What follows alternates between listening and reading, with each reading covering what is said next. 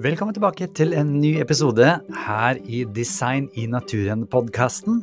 Jeg heter Chris Duve, og jeg vil bare minne deg på at du kan ta hele kurset her helt gratis med 38 forskjellige eh, informasjonsvideoer som da er lagd en podkast ut av, hvis du går inn på chrisduve.no og klikker deg inn på Design i naturen-kurset. Det finnes også et mindre kurs som heter Tre trosdyrkende fakta. Alt dette er altså gratis tilgjengelig. Men nå er det på tide med dagens episode. Vær så god.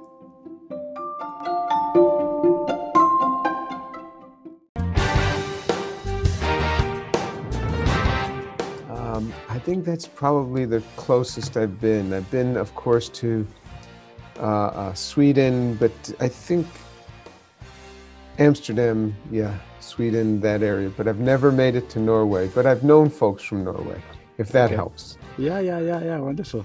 Okay, let's Yeah. begin. Dr. James Tour, welcome so much to Norway in a digital way, but in very much a heartfelt way. Welcome to you. Thank you. Well, a lot of people in Norway, uh, we don't don't know you yet, but I love your YouTube channel and I love how you think because, uh, yeah, a lot of people have theories, but you try out the stuff. You know, you do the actual science. And I've actually got four kids, and I always try to teach them reality is a good test for truth. And I think that's what you do, and so I really appreciate it. Um, but for people to get to know you a little bit, um, what is your scientific background? Um, I have a PhD in chemistry, but I work across many fields. I've been a professor for for over 30 years, and we work in the area of everything from medicine to material science to electronics, and to the extent that I've published lots of papers in all of those fields, um, as well How many papers is that How- roundabout? it's over 700. I don't remember the exact number. It's over How did you do that? Oh, by the grace of God. I, you know, we just just take one at a time, one at a time.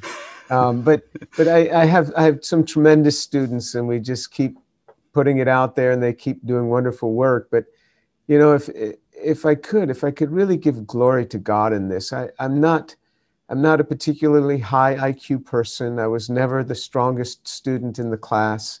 I don't work as a minister in the formal sense. I work as a chemist. So I just pray that I, I get filled with real understanding and insight. And, and we've been really blessed. to have 14 companies that have spun off from, from my work. And uh, uh, so it really, really does hit the practical level as well. And we've just been greatly blessed. Uh, but, but I also very much appreciate you putting that focus, and at the same time, you're saying that um, you're not just thinking theoretically about science, but you're doing science, you're making inventions, and I, I love that part. Um, so we're going to look at a little bit at some uh, biology textbooks here in Norway, and uh, I would uh, love to read you something. And it starts with the small stuff, so it's about the beginning of life.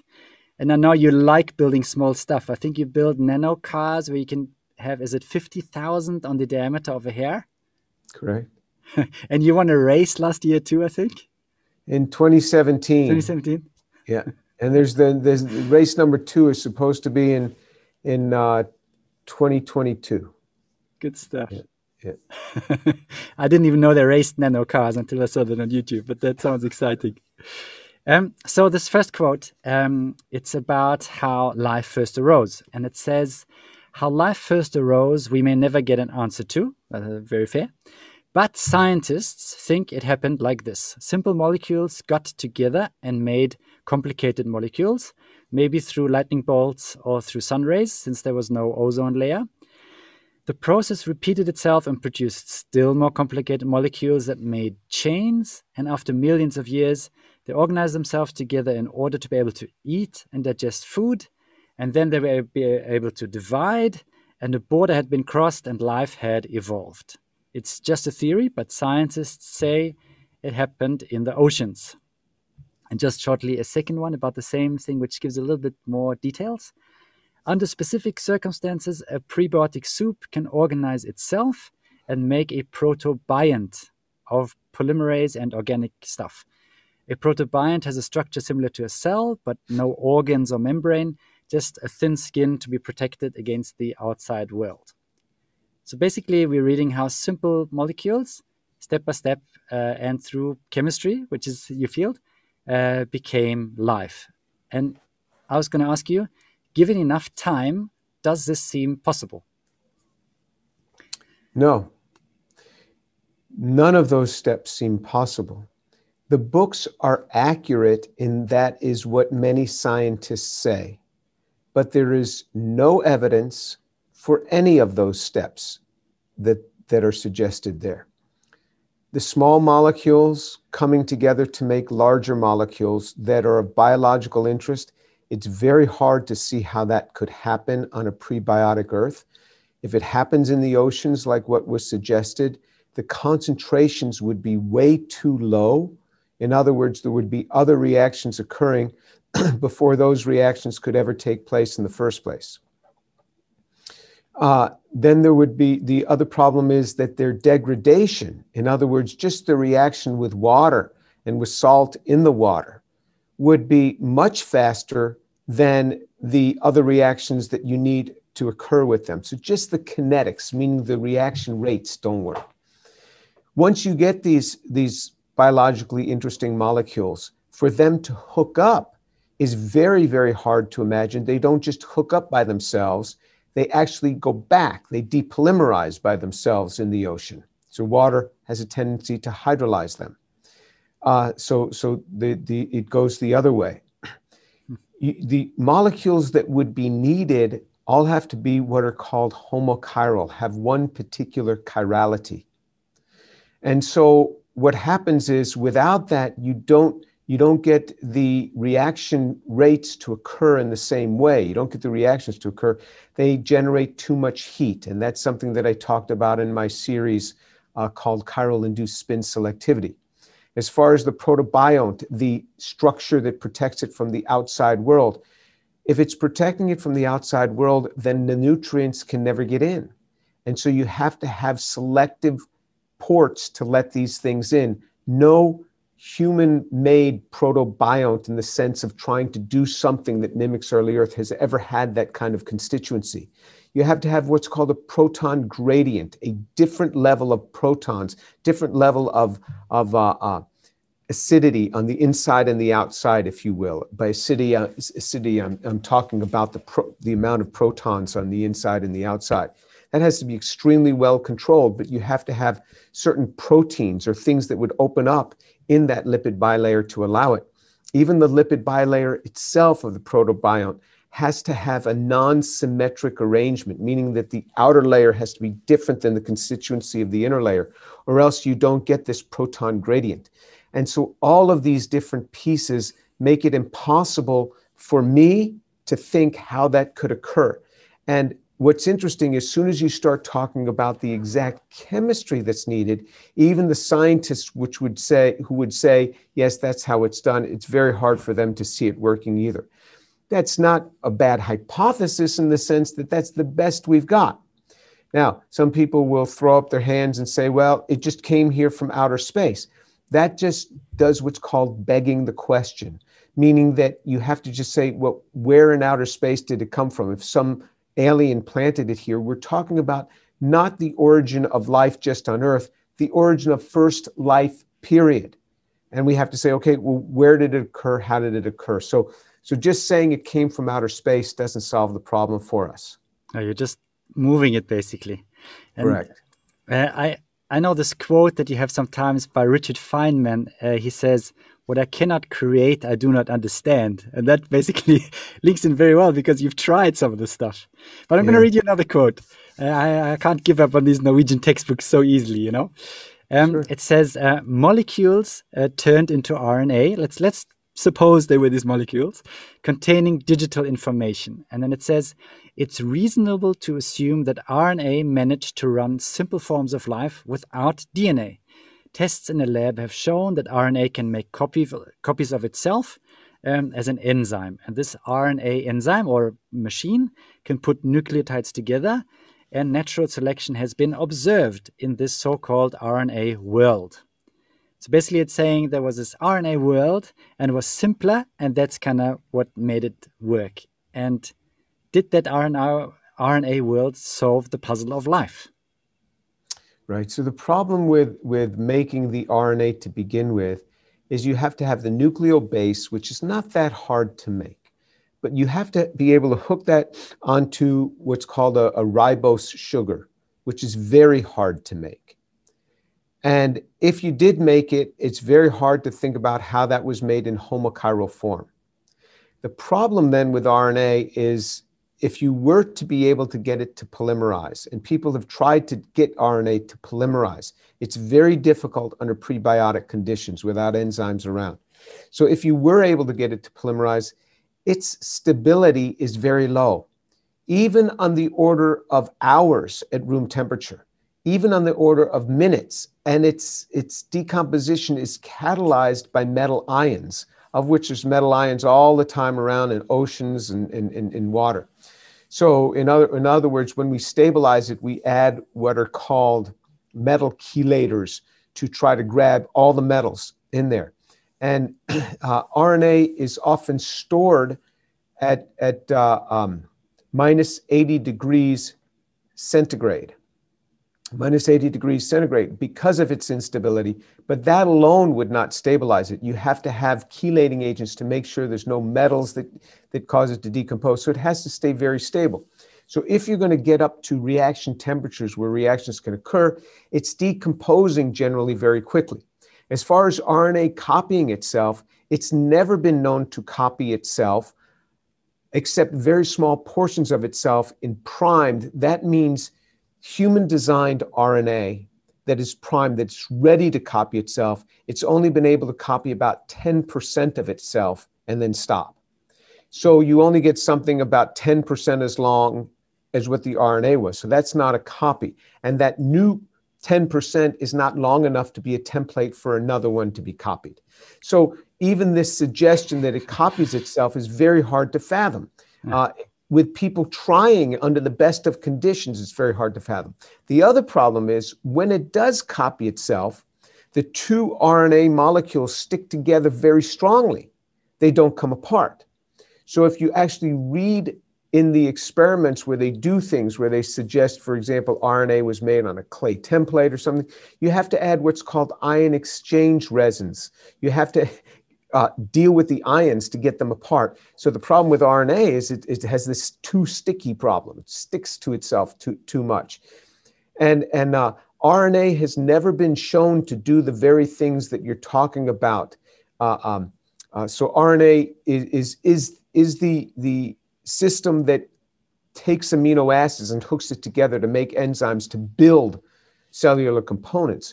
But without other associated enzymes which help to bring in these components, it doesn't work. So, so there's so many pieces that would have to come together at once. Again, it's very easy to throw this out as a suggestive idea, but as soon as you get into the details, it becomes very hard to figure out. yeah, and I'm happy that you know the details, so we can we can we can look at it together. Um, for my work, actually, I'm a cabinet maker. That's my trade to build furniture. That's like and, like Jesus. Uh, yeah, he built all kinds of stuff actually when the word Tekton. So yeah, I love. At my I have a little farm. You know, we got some sheep and some chickens, and I build stuff with my kids. And uh, you must you have to come to Norway to visit one day. oh, but I love making stuff.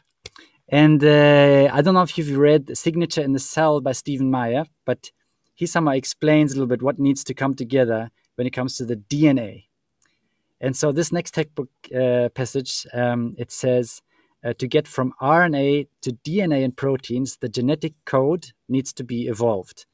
RNA is single stringed and cannot be corrected, so it can only be short chains. DNA is double stringed and can be corrected, so you can get bigger geno genomes and I'm guessing, yeah, build more complicated stuff. But it doesn't actually tell us how to get from RNA to DNA. Can you do that? How, how does that work? Okay, so so you know one of the things that I didn't address in the last section that you brought back up again is the informational code. So just hooking together RNA with its different nucleobases does not give you the type of code that you need to prescribe the synthesis of any useful enzyme.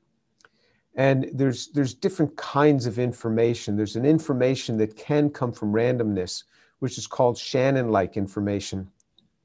That's not what we need. We need what's called specified information uh, to be able to do this. And that's never been realized. And where that comes from, we just don't know.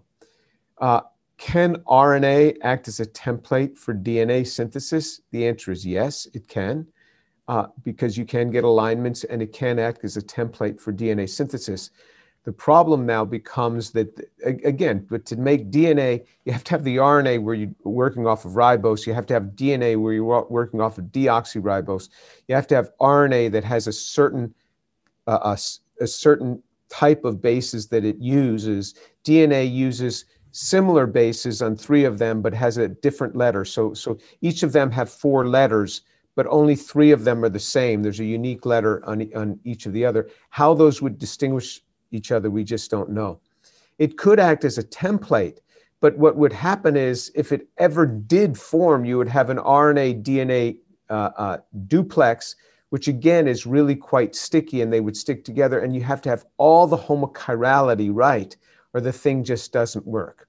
And the problem with the with the RNA is you have two possible linkages. You have going to the three prime or, or versus off the two prime uh, uh, center, and that breaks up the chain immediately, and it and it's it's a real problem. So, yes, you could say that RNA might make DNA, but that doesn't get you anywhere in the sense that you already have the RNA. Where did the information come from in that RNA? If you were to say it came about randomly, well, then the probabilities become really, really low. Just for one RNA, and that RNA prescribes for a particular protein sequence. But what happens when you need another enzyme? Because you can't build a cell with just one enzyme. So you have to have at least, it's been calculated, you have to have at least 206 protein coding genes to be able to do this. So you have to have at least 206 different specified areas to make the minimally controlled system. And that would be a cell that that uh, uh, would have to have all the exogenous amino acids come in exogenously from the outside because it doesn't have the capability to make its own at that level. So it's very hard. The number of components is so difficult. If, if, if I could put it in relation that, that, okay, you could have the block of an engine. You could have the block of an engine, but somehow you've got to get the pistons with the piston rings inserted into that. You've got to find the pistons. You've got to put piston. You've got to get those inserted. You've got to hook all that up to a to the to the camshaft, and you've got to have all that hooked up to the ports being put in right. You have to have the spark plugs to be put in right. There's so many different components. So to just say that you have an engine block and maybe somehow once in a while a piston slipped in, you know how hard it is to get a piston in when it has a piston ring around it.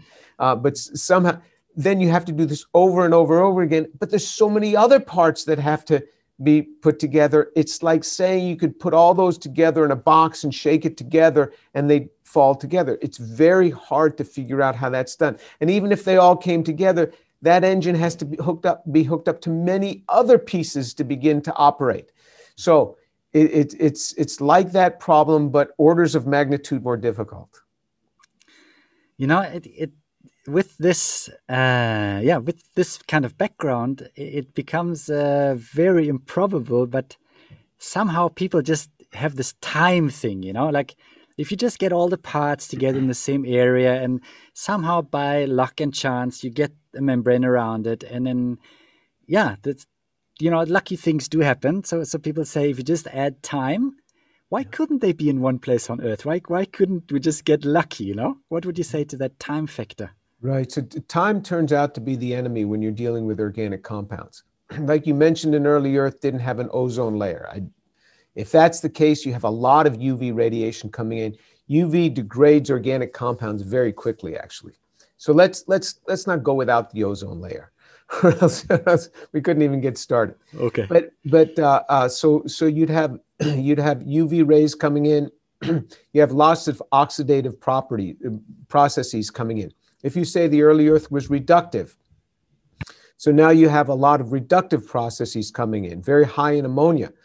ammonia can be extremely degradative to organic compounds. And so, so you, see that the chemistry now becomes very, very difficult still.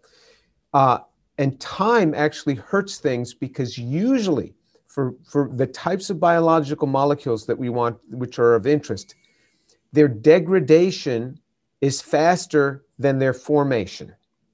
The degradation is faster than formation. It's not just me saying this. I was, in fact, seeing a recent video by Jack Szostak, which is a main proponent on the origin of life, a Nobel Prize winner from, from Harvard and Harvard Medical School.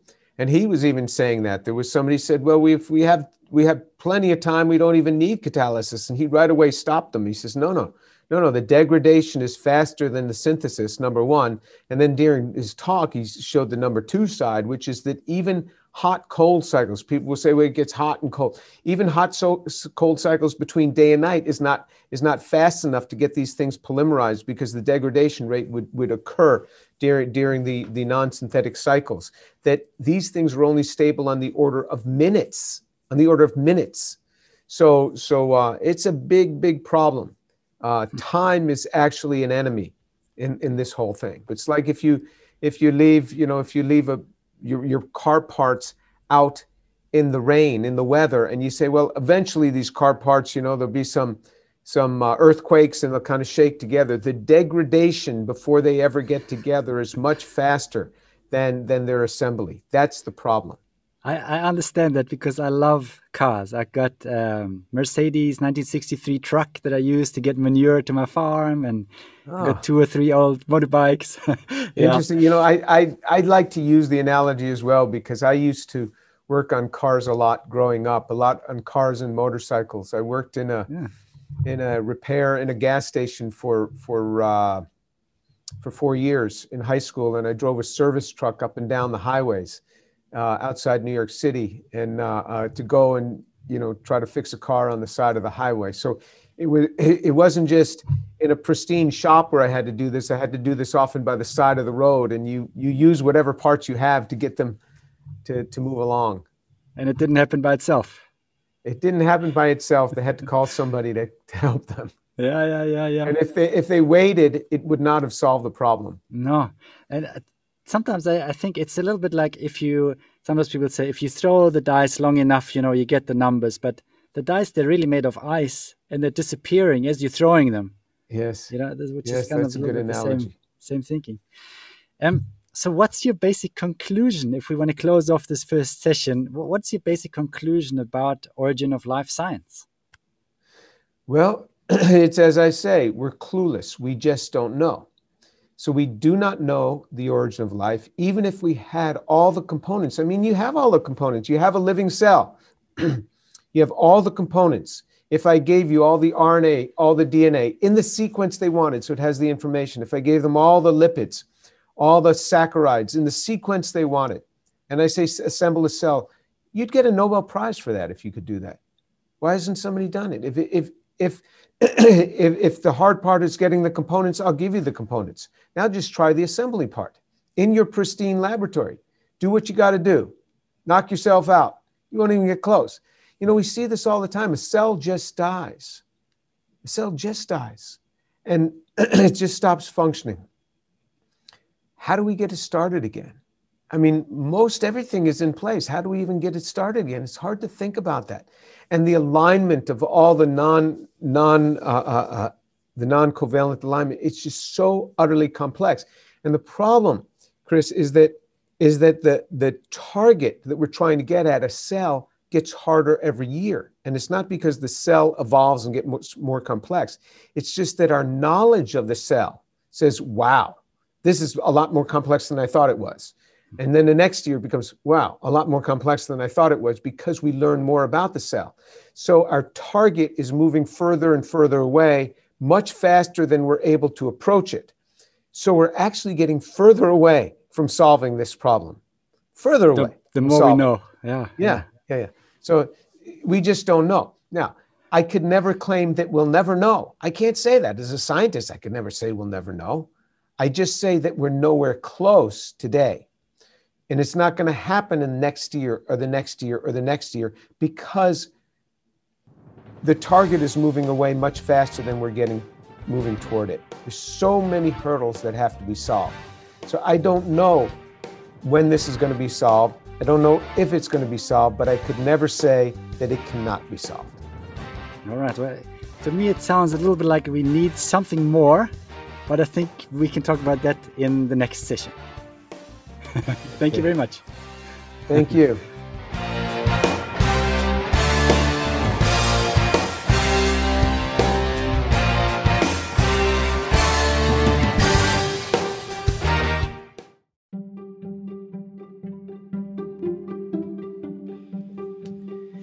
Igjen, dersom du ønsker å få tilgang til de hjelpearkene eller oppgavearkene, så er det jo fullt mulig for deg å signe opp til kurset. Da går det an å laste det ned. Hvis du går inn på chrisduve.no, så ser du all informasjonen der. Dersom du ønsker å støtte denne podkasten og annet arbeid som jeg holder på med, kan du også lese mer om det på chrisduve.no. Takk for nå.